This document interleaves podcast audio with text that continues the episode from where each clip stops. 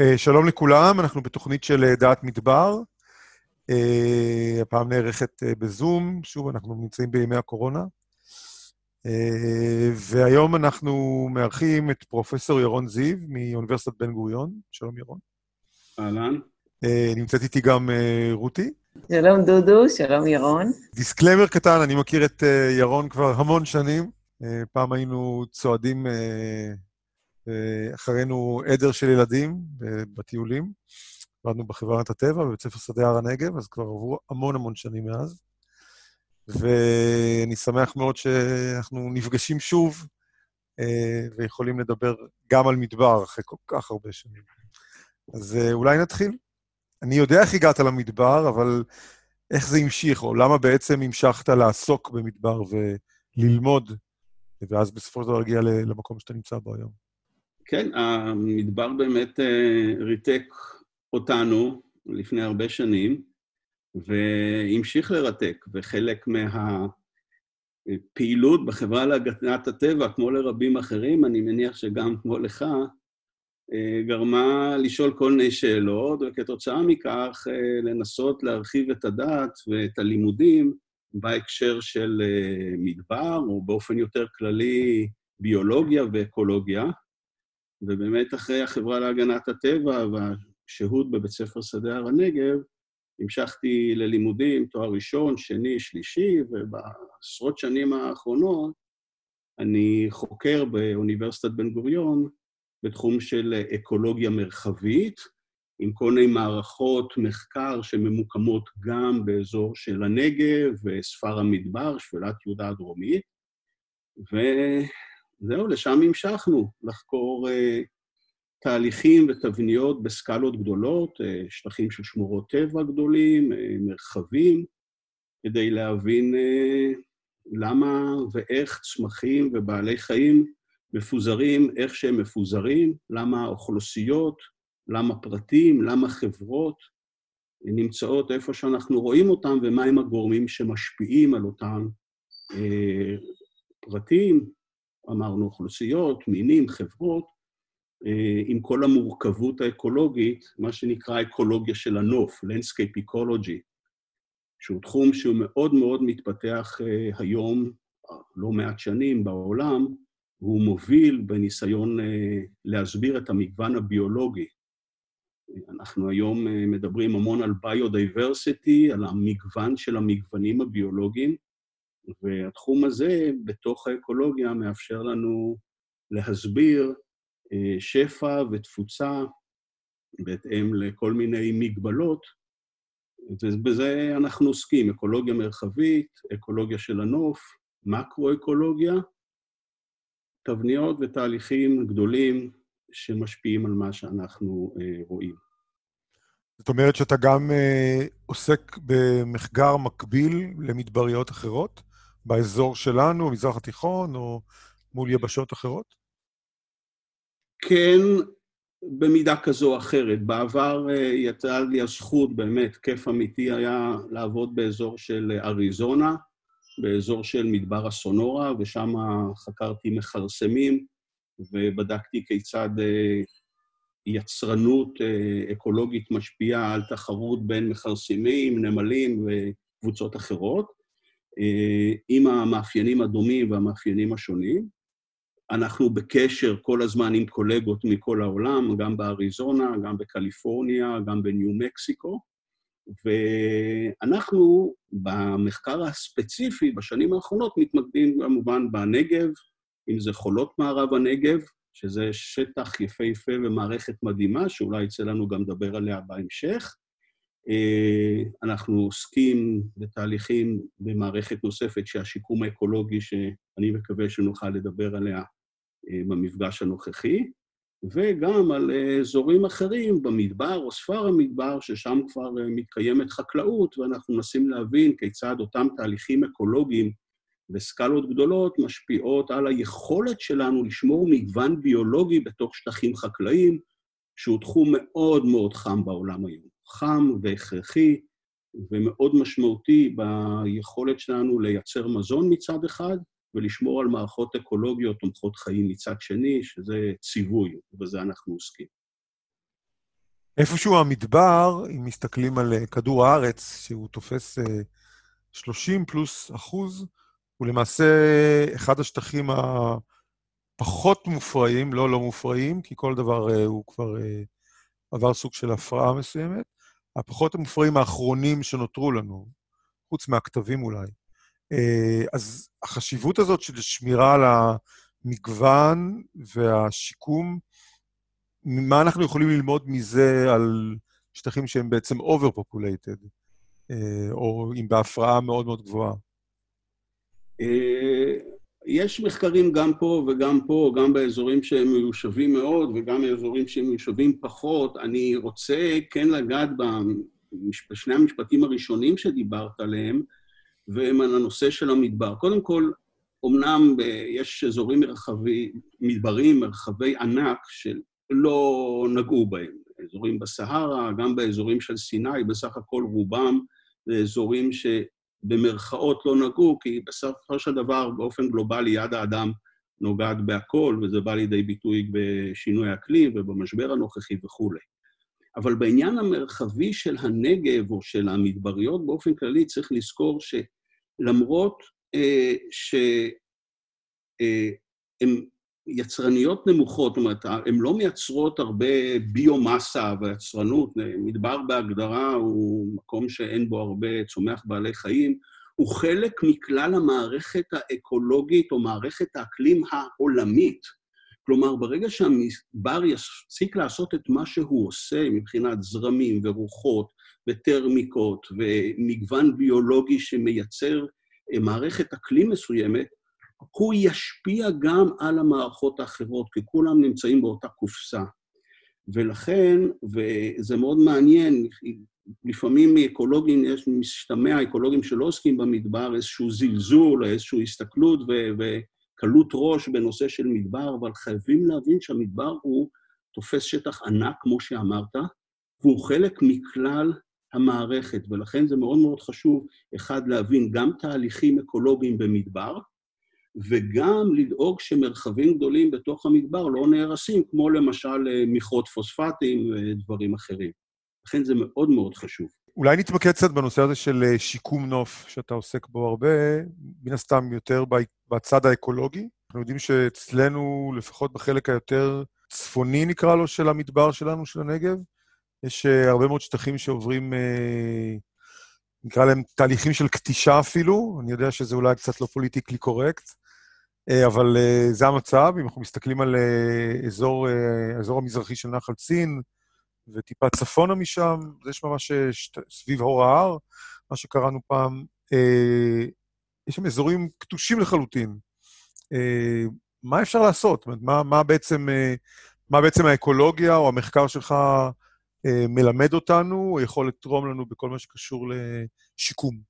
אה, תודה על השאלה, כי אני חושב שזה נושא שחשוב לתת עליו את הדעת ולהרחיב בו, ואני רוצה ללכת צעד אחד אחורה ולהזכיר בהקשר של אה, מה שאמרתי קודם, אנחנו, אנחנו לא תמיד מבינים את זה, ואני לא חושב שלאדם שלא נוגע בתחומים האלו, יש את הידע ואולי אנחנו כמדענים, כאנשי טבע, צריכים לזעוק יותר ולעדכן ולספר, אנחנו נמצאים על סף של קטסטרופה אקולוגית בעולם. יש ירידה אדירה של צומח, של בעלי חיים. יצא מאמר שמראה ש-75% לפחות מפרוקי הרגליים באירופה, ואחר כך הראו את זה גם באמריקות, הלך אה, ונעלם. והאובדן של שטחים אקולוגיים והאובדן של יצורים ביולוגיים ישפיעו בצורה מאוד ברורה על אותן מערכות שלנו. ובתוך כל העניין הזה, ולכן פה אני מתחבר לשיקום אקולוגי, אנחנו רואים בהמון מקומות בעולם שיש שטחים נרחבים שאדם עושה בהם שימוש, זה יכול להיות שטחי אש של טנקים, זה יכול להיות אזורים חקלאיים שניטשים, זה יכול להיות אה, מערכות אה, כבישים או איזשהן מערכות ש-60 אה, או 80 אחוז מהם לא מנוצלים, ואנחנו מאבדים שטחים נרחבים בעולם, כולל באזורים המדבריים, לפעילות אדם, שבסופו של דבר אין לה תכלית. האזורים מנוצלים וננטשים. ודוגמה אולי הכי בוטה, הכי בולטת, כמו ששאלת אותי, זה אזורים של מכרות. ומכרות בעולם וגם בישראל, האדם נכנס לאזור שבו הוא רוצה להפיק את אותו כימיקל, את אותו יסוד, את אותו חומר שהוא משתמש בו, אוסף מה שאוסף, מכסה והולך. השטח שהוצב על ידי תהליכים במשך מאות אלפי שנים, עשרות אלפי שנים, אלפי שנים, אה, פשוט אה, באחת נעלם, וכל התפקודים האקולוגיים הולכים לאיבוד. עכשיו, במדבר זה חמור יותר, כי במדבר תהליכים לוקחים המון המון זמן. אם אני באזורים הטרופיים, שיורד שם שני מטר אה, של גשם בשנה, והשטח עובר ומהר מאוד אה, אה, מתחלף, והגידול מאוד מהיר, זה לא במדבר. במדבר אנחנו מכירים אה, באזור אה, שדה צין ובאזור מכתש רמון, מספיק שטרקטור עבר, ואת אותם עקבות של הטרקטור אנחנו כבר יכולים לראות אחר כך עשרות שנים, אולי נראה אותם מאות שנים. התהליכים במדבר הם מאוד מאוד איטיים. הם מאוד איטיים כי הגורם המקביל הוא מים, והגורם הביולוגי החשוב ביותר שהם מיקרואורגניזמים, בקטריות אה, ובעלי חיים נוספים, זה לא בעלי חיים, אה, מהקבוצה הזאת של המיקרואורגניזמים, הם פשוט, לוקח להם המון זמן להשתקם. והמערכת האקולוגית הזאת פשוט נהרסת. ובמכרות, אה, כאשר קורה דבר כזה, כלומר, נכסים וממשיכים הלאה, אם לא נותנים לזה איזושהי אה, דגש והסתכלות ומבינים איך אפשר לשקם את המערכת, למעשה פספסנו שטחים ענקיים של טבע, של מערכת אקולוגית, ואנחנו לא רק מאבדים את השטח עצמו, אנחנו מאבדים את הרציפות. כלומר, אם יש לנו שמורת טבע באזור אה, מכתש הגדול, ויש לנו שמורת טבע אחר כך יותר דרומה באזור הערבה, ובין לבין יש לנו את אותם אזורי מכרות שנהרסו, ואחר כך שוקמו לכאורה נופית, אבל לא אקולוגית, אנחנו מאבדים את הרציפות, זה יוצר נתקים, זה יוצר בעיות גנטיות של אה, פרטים ואוכלוסיות של מינים, ואנחנו מאבדים שטחי ענק. ולכן בכל העולם, וגם אצלנו, אה, התפתח מאוד התחום הזה שנקרא שיקום אקולוגי, Restoration Ecology. הרבה ספרים, הרבה מחקרים, כנסים בעולם, שהרעיון הוא לנצל, להחזיר חזרה לתפקוד, לא להחזיר למה שהיה קודם, זה אופטימיות אה, אה, לא נכונה, אלא לנסות ולשקם תהליכים אקולוגיים בתוך השטחים האלו. וזה מה שאנחנו בעצם עושים באזור של אה, מכרות הפוספטים, וכדי להזכיר, אזור הקריאה הגדול ביותר במדינת ישראל הוא באמת איפה שאמרת, אה, מאזור של דרום מזרח מכתש גדול, באזור של אורון, מפעל אורון, בואכה בקעת סין, ודרומה עוד יותר ומזרחה באזור של נחל צין, מכתש קטן. אלו אזורים ענקיים, שעל פי חוק, עם זיכיון מהמדינה, אני לא אומר חס וחלילה שנעשים שם דברים אה, לא חוקיים, הכל חוקי והכל אה, בהתאם אה, למשרד האנרגיה והתשתיות. חברת רותם, רותם אמפרט, השייכת לכימיקלים לישראל, קורה כבר שמה עשרות שנים. למעשה זה התחיל אפילו במפעל פוספטים של ישראל, זה היה מפעל ממשלתי שאחר כך נקנה על ידי משפחת עופר, והם אלו שמנצלים היום את השטח למטרות קריאה של פוספטים. עכשיו, אלו שטחים ענקיים, אה, ועד לפני 15 שנה, למעשה, מה שהיה, אה, לקחו ועשו אה, את אותם בורות, הוציאו את הפוספטים, כיסו את הבורות בעיקר כדי שלא יהיה שם איזה נזק ומישהו ייפול וישבור את הראש, ויותר מאוחר, עוד לפני 15 שנה, כתוצאה מהחלטה של ממשלה והחלטות של המשרדים הממשלתיים הרלוונטיים ורשות שמורות הטבע דאז, היום רשות הטבע והגנים, הרעיון היה לשקם את זה, ואנחנו קוראים לזה שיקום היסטורי. כלומר, מי שמטייל ונוסע היום לאזור מכתש קטן, למשל, הוא יראה שמהצדדים, בצבע שהוא שונה מהסביבה הטבעית, אנחנו רואים כל מיני כאלו חמוקים וגבעות נחמדות עם שיקום של אגני ניקוז, אבל מה שאנחנו רואים, אנחנו רואים שממה, לא מדבר, שממה. כמעט ואין שם צמחים וכמעט שאין שם מיקרואורגניזמים, כי השיקום שנעשה שם, אנחנו קוראים לו שיקום היסטורי, הוא שיקום שיותר עסק בעיצוב הנוף. הוא שיקום נופי למעשה, לא שיקום אקולוגי. לפני 15 שנה, שוב, זו החלטת ממשלה ופעילות של רשות, שמור, רשות הטבע והגנים, משרד האנרגיה והתשתיות, משרד להגנת הסביבה, אה, הוחלט על שיקום, וכמובן ביוזמה של רותם וכימיקלים לישראל, אה, הוחלט על אה, שיקום של, בצורה אחרת, שהוא שיקום שמוכר גם בעולם, ויצא לי לנסוע לפני שנתיים לניו מקסיקו, לראות איך עושים את זה במכרות פחם. זה נקרא שיקום תוך כדי קריאה. מה שעושים, לוקחים את השכבה העליונה, שהיא שכבה מאוד מאוד חשובה, זו שכבה של אה, של הקרקע העליונה, נקרא top soil, והשכבה הזאת של כמה עשרות סנטימטרים היא זו שמכילה גם את הזרעים של הצמחים וגם את המיקרואורגניזמים המאוד מאוד חשובים לנו. ואת השכבה הזאת לוקחים, מורידים אותה בהתחלה ושמים אותה בתל אחד, ויודעים בדיוק איפה זה, יש לו שיוך ויודעים למה זה שייך. לאחר מכן מורידים את השכבה השנייה, שהיא שכבה של התפלים, כלומר, שכבה של הסלע לפני שמגיעים לפוספט עצמו, ולאחר מכן מגיעים לפוספט. מנצלים את הפוספט, מוציאים אותו, ומתחילים לקרות רצועה נוספת ליד. שוב, את הטופסויל, את השכבה העליונה, שומרים בגבעה בתל ייעודי, ואת השכבה של התפלים מכניסים עכשיו לרצועה הראשונה שחפרו בה, במקום הפוספטים, לאחר מכן מכניסים את התפילים שחיכו מהשכבה הראשונה, ובסוף מכסים ברצועה הראשונה את הטופסוי. וכן הלאה וכן הלאה, וכך בעזרת אה, צורה מאוד מסודרת של רצועות, מחזירים את השטח גם לטופוגרפיה שלו, בהתאם לאגני ניקוז, על ידי תוכניות של אדריכלות נוף, אבל יותר חשוב, לצורך השיחה שלנו, דואגים שלמעלה, בשכבה העליונה, יש לנו את הטופסוי.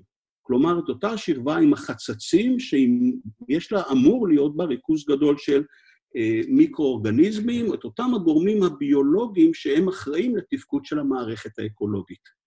וזה נעשה במשך 15 שנה, אבל, אה, וזה בהחלט התקדמות מאוד יפה, ואני חושב שמילה טובה לכל הגורמים שקידמו את זה כבר לפני עשרות שנים, והיום חברת רותם, אה, כימיקלים לישראל, מחויבים לעבוד בשיטה כזאת.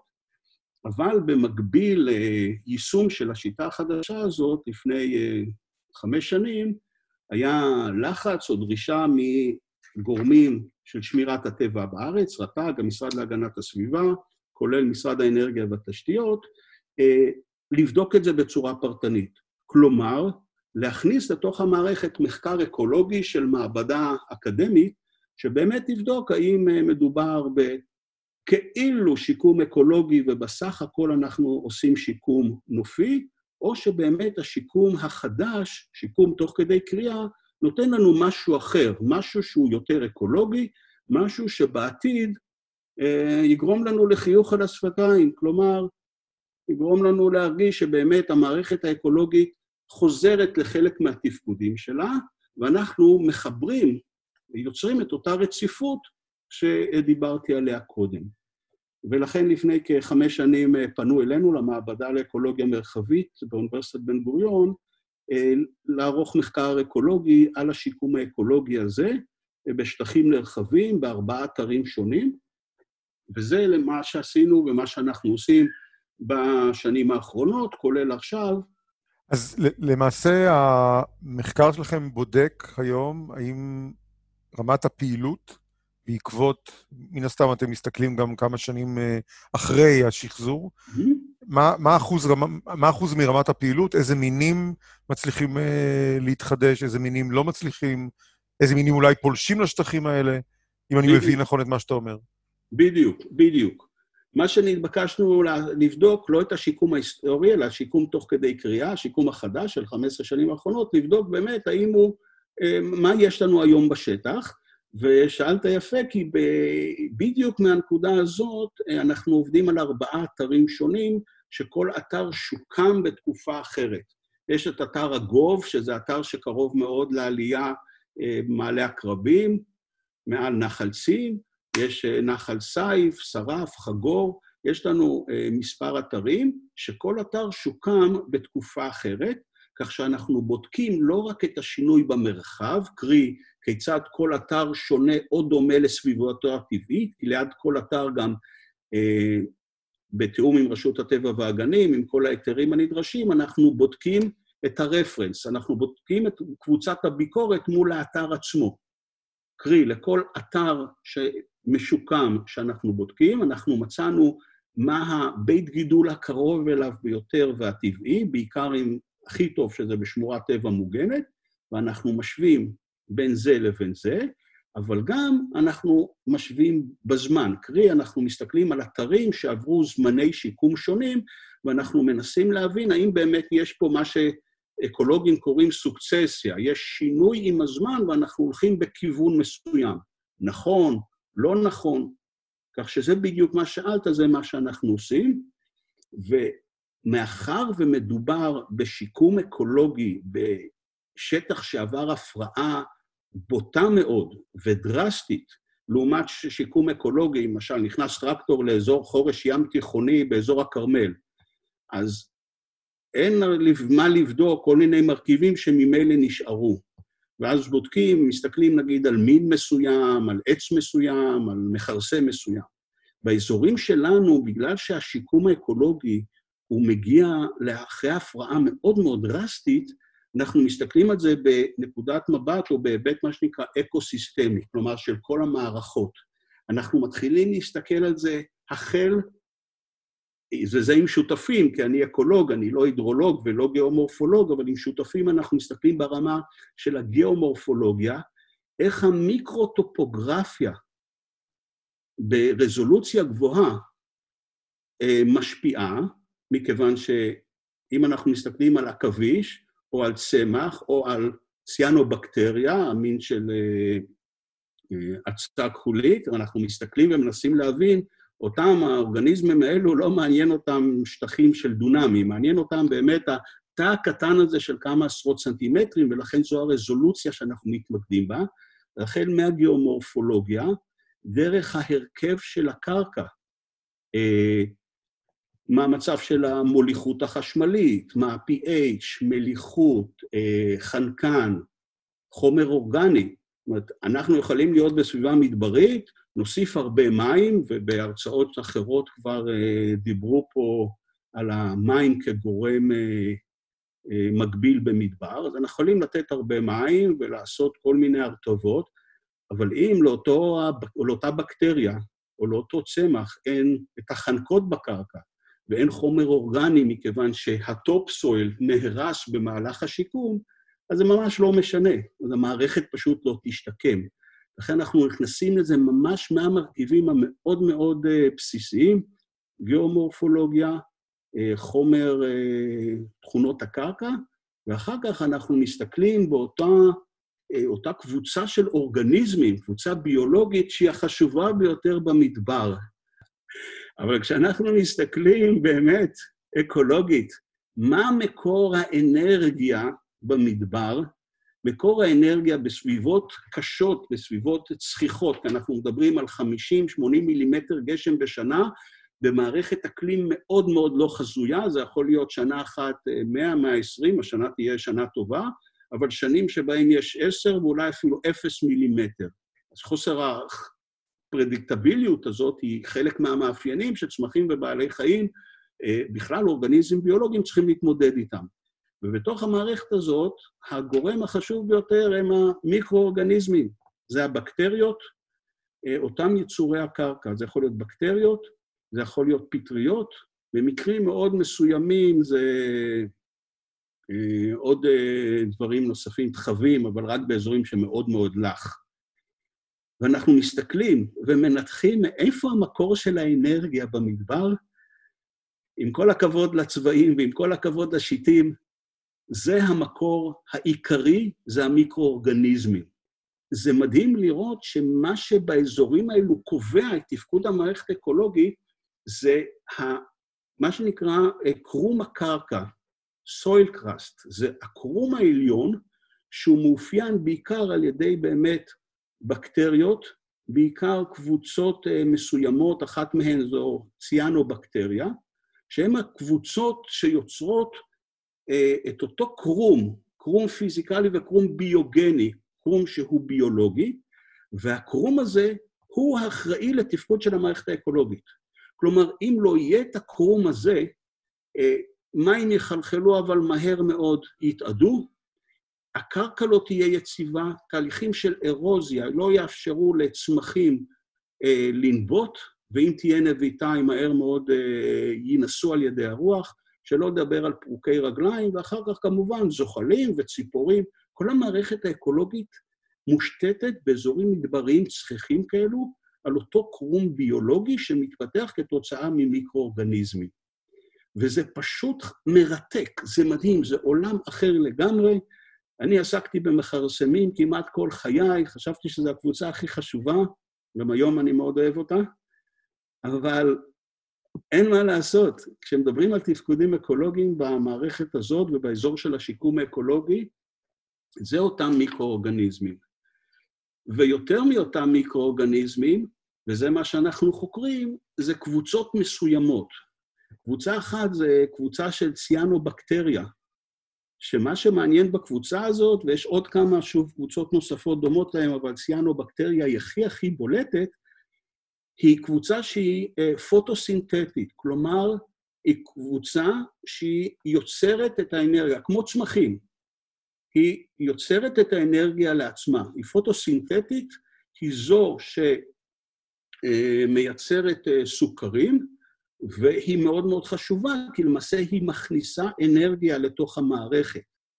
עוד דבר סופר מרתק בציאנו-בקטריה האלו, שזה מדהים, זה פשוט לא נורמלי כשרואים את זה מקרוב בעזרת uh, מיקרוסקופים, זה פשוט לא ייאמן. הקבוצה המדהימה הזאת שהתפתחה בכל האבולוציה להתאים לתנאי מדבר, יודעת להפריש uh, רב סוכרים.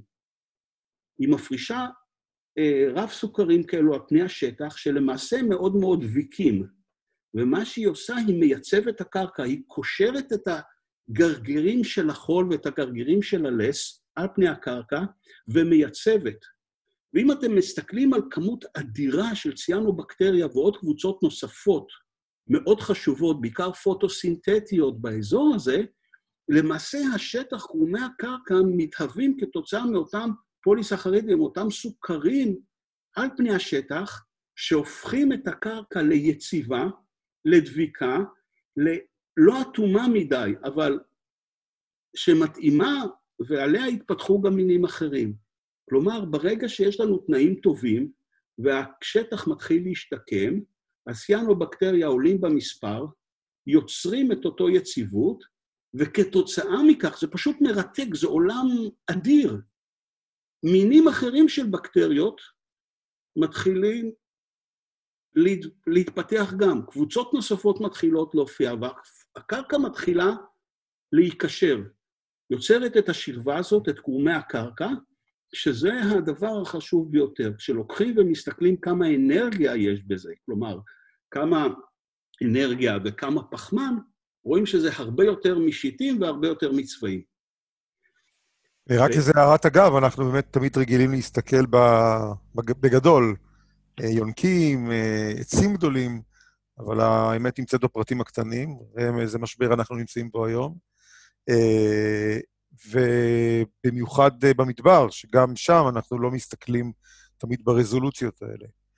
והשאלה שמתבקשת אולי מתוך השיחה הזאת, זה כמה זמן לוקח, או תוך כמה זמן אנחנו מצליחים לבנות את אותן שכבות. זאת אומרת, את השכבה הראשונה, ואחרי זה את השכבה השנייה, או תהליך כזה, כמה שנים הוא יכול להימשך? עד שהוא בעצם חוזר לאיזו רמה של פעילות שנקראת, לא יודע, סבירה, אם יש בכלל רמות של פעילות שאתם בעצם, איזה סרגל כזה של, אה, אה, שאתם בניתם לשיקום של, אה, שיקום אקולוגי של קרקע.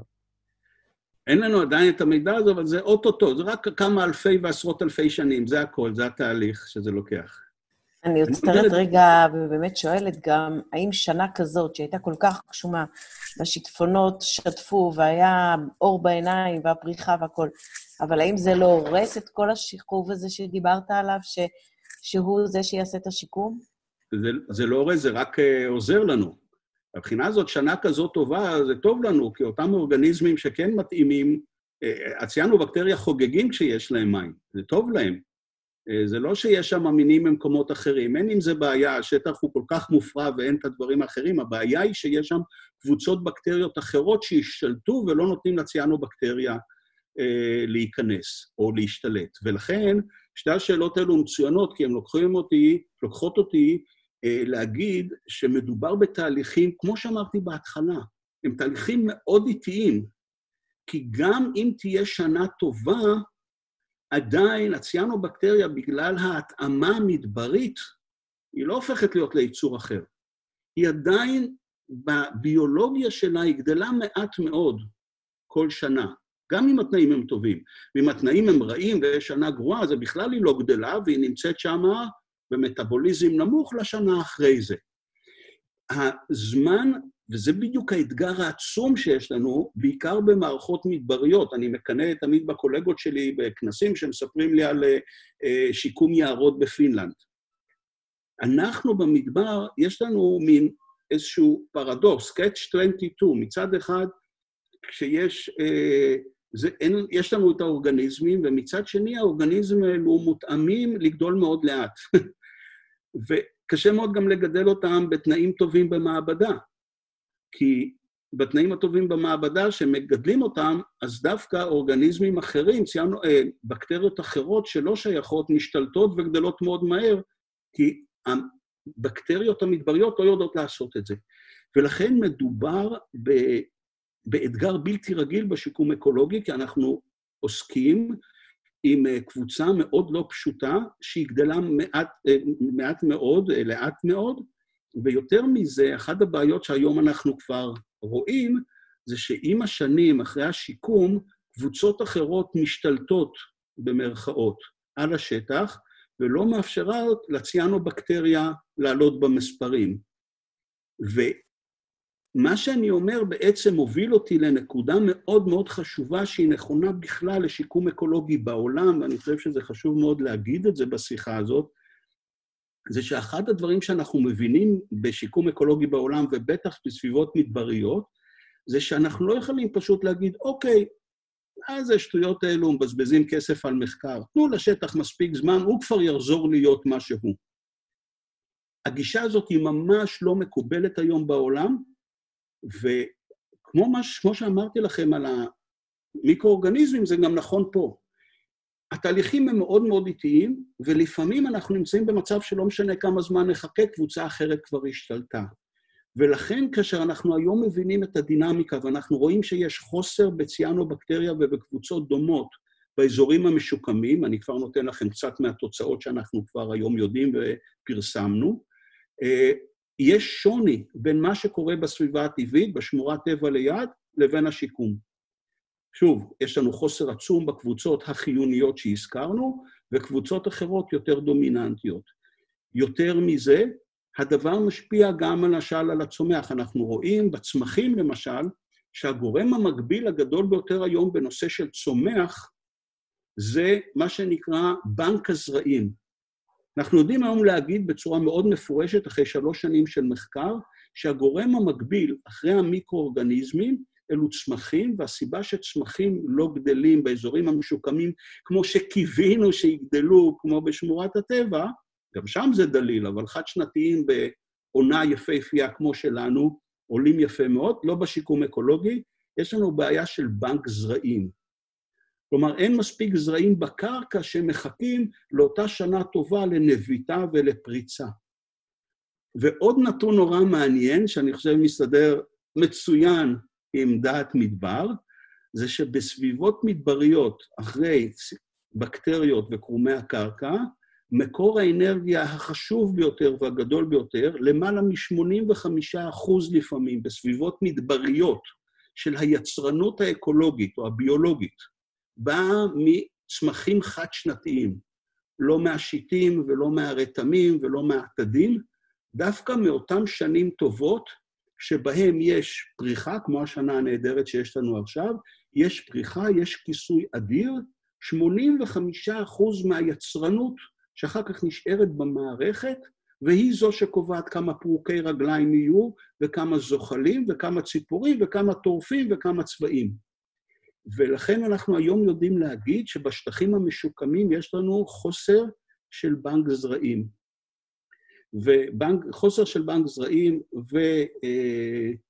והצורך בגידול אה, ובשיקום של קרומי הקרקע מביאים אותנו היום למחשבה שבעצם זה לא מספיק, קודם כל, קודם כל, שכנראה ה top soil, אותה שכבה של הקרקע העליונה ששומרים בשיקום, ואנחנו עושים את זה בתיאום עם אה, רותם ועם הגיאולוגים שלהם, הם משתפים פעולה בצורה יפהפייה, זה גם חשוב להם, ואנחנו מבינים שכשהתל של ה top soil הזה, כשהוא עומד בשטח אה, שנה, שנתיים, שלוש, הוא מאבד הרבה מאוד החיוניות שלו.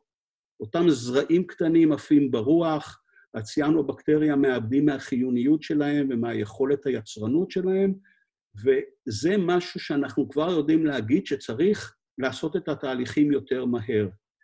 בארצות הברית החוק קובע שתוך 90 יום הגוף, המש... הגוף הקורא צריך בעזרת יחידת השיקום שלו, תוך 90 יום לכסות חזרה את השטח. אה, וזה בגלל התהליכים האלו, שעם הזמן בכל זאת החיוניות הביולוגית יורדת. ודבר נוסף שאנחנו היום מבינים מאוד כתוצאה מהמחקרים האלו, ואני רק אה, ככה נגעתי על קצה, ה... קצה המזלג, זה שאנחנו לא יכולים להשאיר את השטח, אנחנו צריכים לעשות עוד צעדים נוספים, אה, אקטיביים, כדי לשנות את השטח ולהפוך אותו, או להחזיר את התפקודים האקולוגיים שלו. משתי סיבות שכבר אמרתי, ואני אסכם אותן. זה אחד, מכיוון שהתהליכים הם מאוד מאוד איטיים ואנחנו לא יכולים לחכות, ודבר שני, השטח מתפתח למקום אחר, שהיא לא הנקודה שאנחנו רוצים להגיע אליה, ולא הנקודה שתגיע לתפקודים האקולוגיים. ולכן היום, במקביל להמשך העבודה שלנו להבין מה קורה, כמו שאמרתי, גיאומורפולוגיה, תכונות הקרקע, המיקרואורגניזמים, הצומח וגם פרוקי הרגליים, אנחנו ממשיכים לעשות את הניטורים וכל מיני בדיקות, אנחנו במקביל עובדים על כל מיני ניסויים וניסיונות אה, לחשוב על פרקטיקות שיעשו את זה טוב יותר. למשל, גידול של אה, ציאנו-בקטריה במרקי ציאנו-בקטריה כאלו, ואולי לרסס אותם אחרי אה, גשמים בעזרת מטוסים בשטח. אה, אנחנו, יש לנו ניסוי גדול מאוד, שוב, אם נצא יום אחד בדעת מדבר לצילום של וידאו, אני אוכל להראות לכם שטחים נרחבים שיש לנו היום מערכות המטרה, ופעם בשבוע אנחנו מוסיפים כחמישה מילימטר גשם בשטחים מסוימים, שבהם אנחנו אה, בודקים מה קורה כשמרטיבים את השטח, נותנים לו מים בצורה סדירה, לא לוקחים צ'אנס אה, של שנת בצורת, ומה קורה כשמוסיפים, עושים שינוי גיאומורפולוגי בקרקע, ומוסיפים קש כחומר אורגני. כלומר, יש לנו מערכת של ניסיונות שהיום בודקת פרקטיקות שונות, כמובן כאלו שיכולות להיות יישומיות, כי אם לא יהיו יישומיות, כימיקלים לישראל ורותם לא יעשו אותם, בסופו של דבר הם צריכים להרוויח, וזה כבר תלוי מה יהיה הלחץ של אה, גורמים ממשלתיים. ואנחנו עושים וחושבים על פרקטיקות כדי שהמחקר לא יהיה רק מחקר אקדמי לדעת מה שונה, אלא גם באמת לאן אנחנו יכולים ללכת כדי לעשות את העבודה טוב יותר. כלומר, איזה שיקום, איזה פרקטיקות שיקום אקולוגיות יכול לעשות המפעל יחד עם גופי שמירת הטבע ועם המדענים, כדי לחדש או לשקם את המערכת האקולוגית בשטחים האלו שהלכו לנו לאיבוד. טוב, אז תודה רבה, ירון. היה לנו מאוד uh, כיף uh, גם להיפגש שוב בצורה כזאת, וגם uh, לשמוע את התחום שאתה עוסק בו וחוקר אותו. Uh, אני אשמח שנעשה שיחה נוספת, ואולי נדבר על נושאים אחרים, כי אני חושב שהנושא של uh, אה, אקולוגיה סביבתית, אה, Landscape Ecology הוא נושא מאוד מאוד מעניין ויש הרבה מאוד מה להגיד, במיוחד הנושאים של אה, שטחים מדבריים וספר מדבר, שזה נושא בפני עצמו מעניין מאוד. אה, אז אני רוצה להודות לך על השיחה היום. תודה לכם. תודה רבה. נזכיר לכם, כל השיחות שלנו נמצאות באתר מדבר.org וגם זמינות ב Spotify וב iTunes, אז תמשיכו להאזין לנו, ותודה. להתראות. להתראות.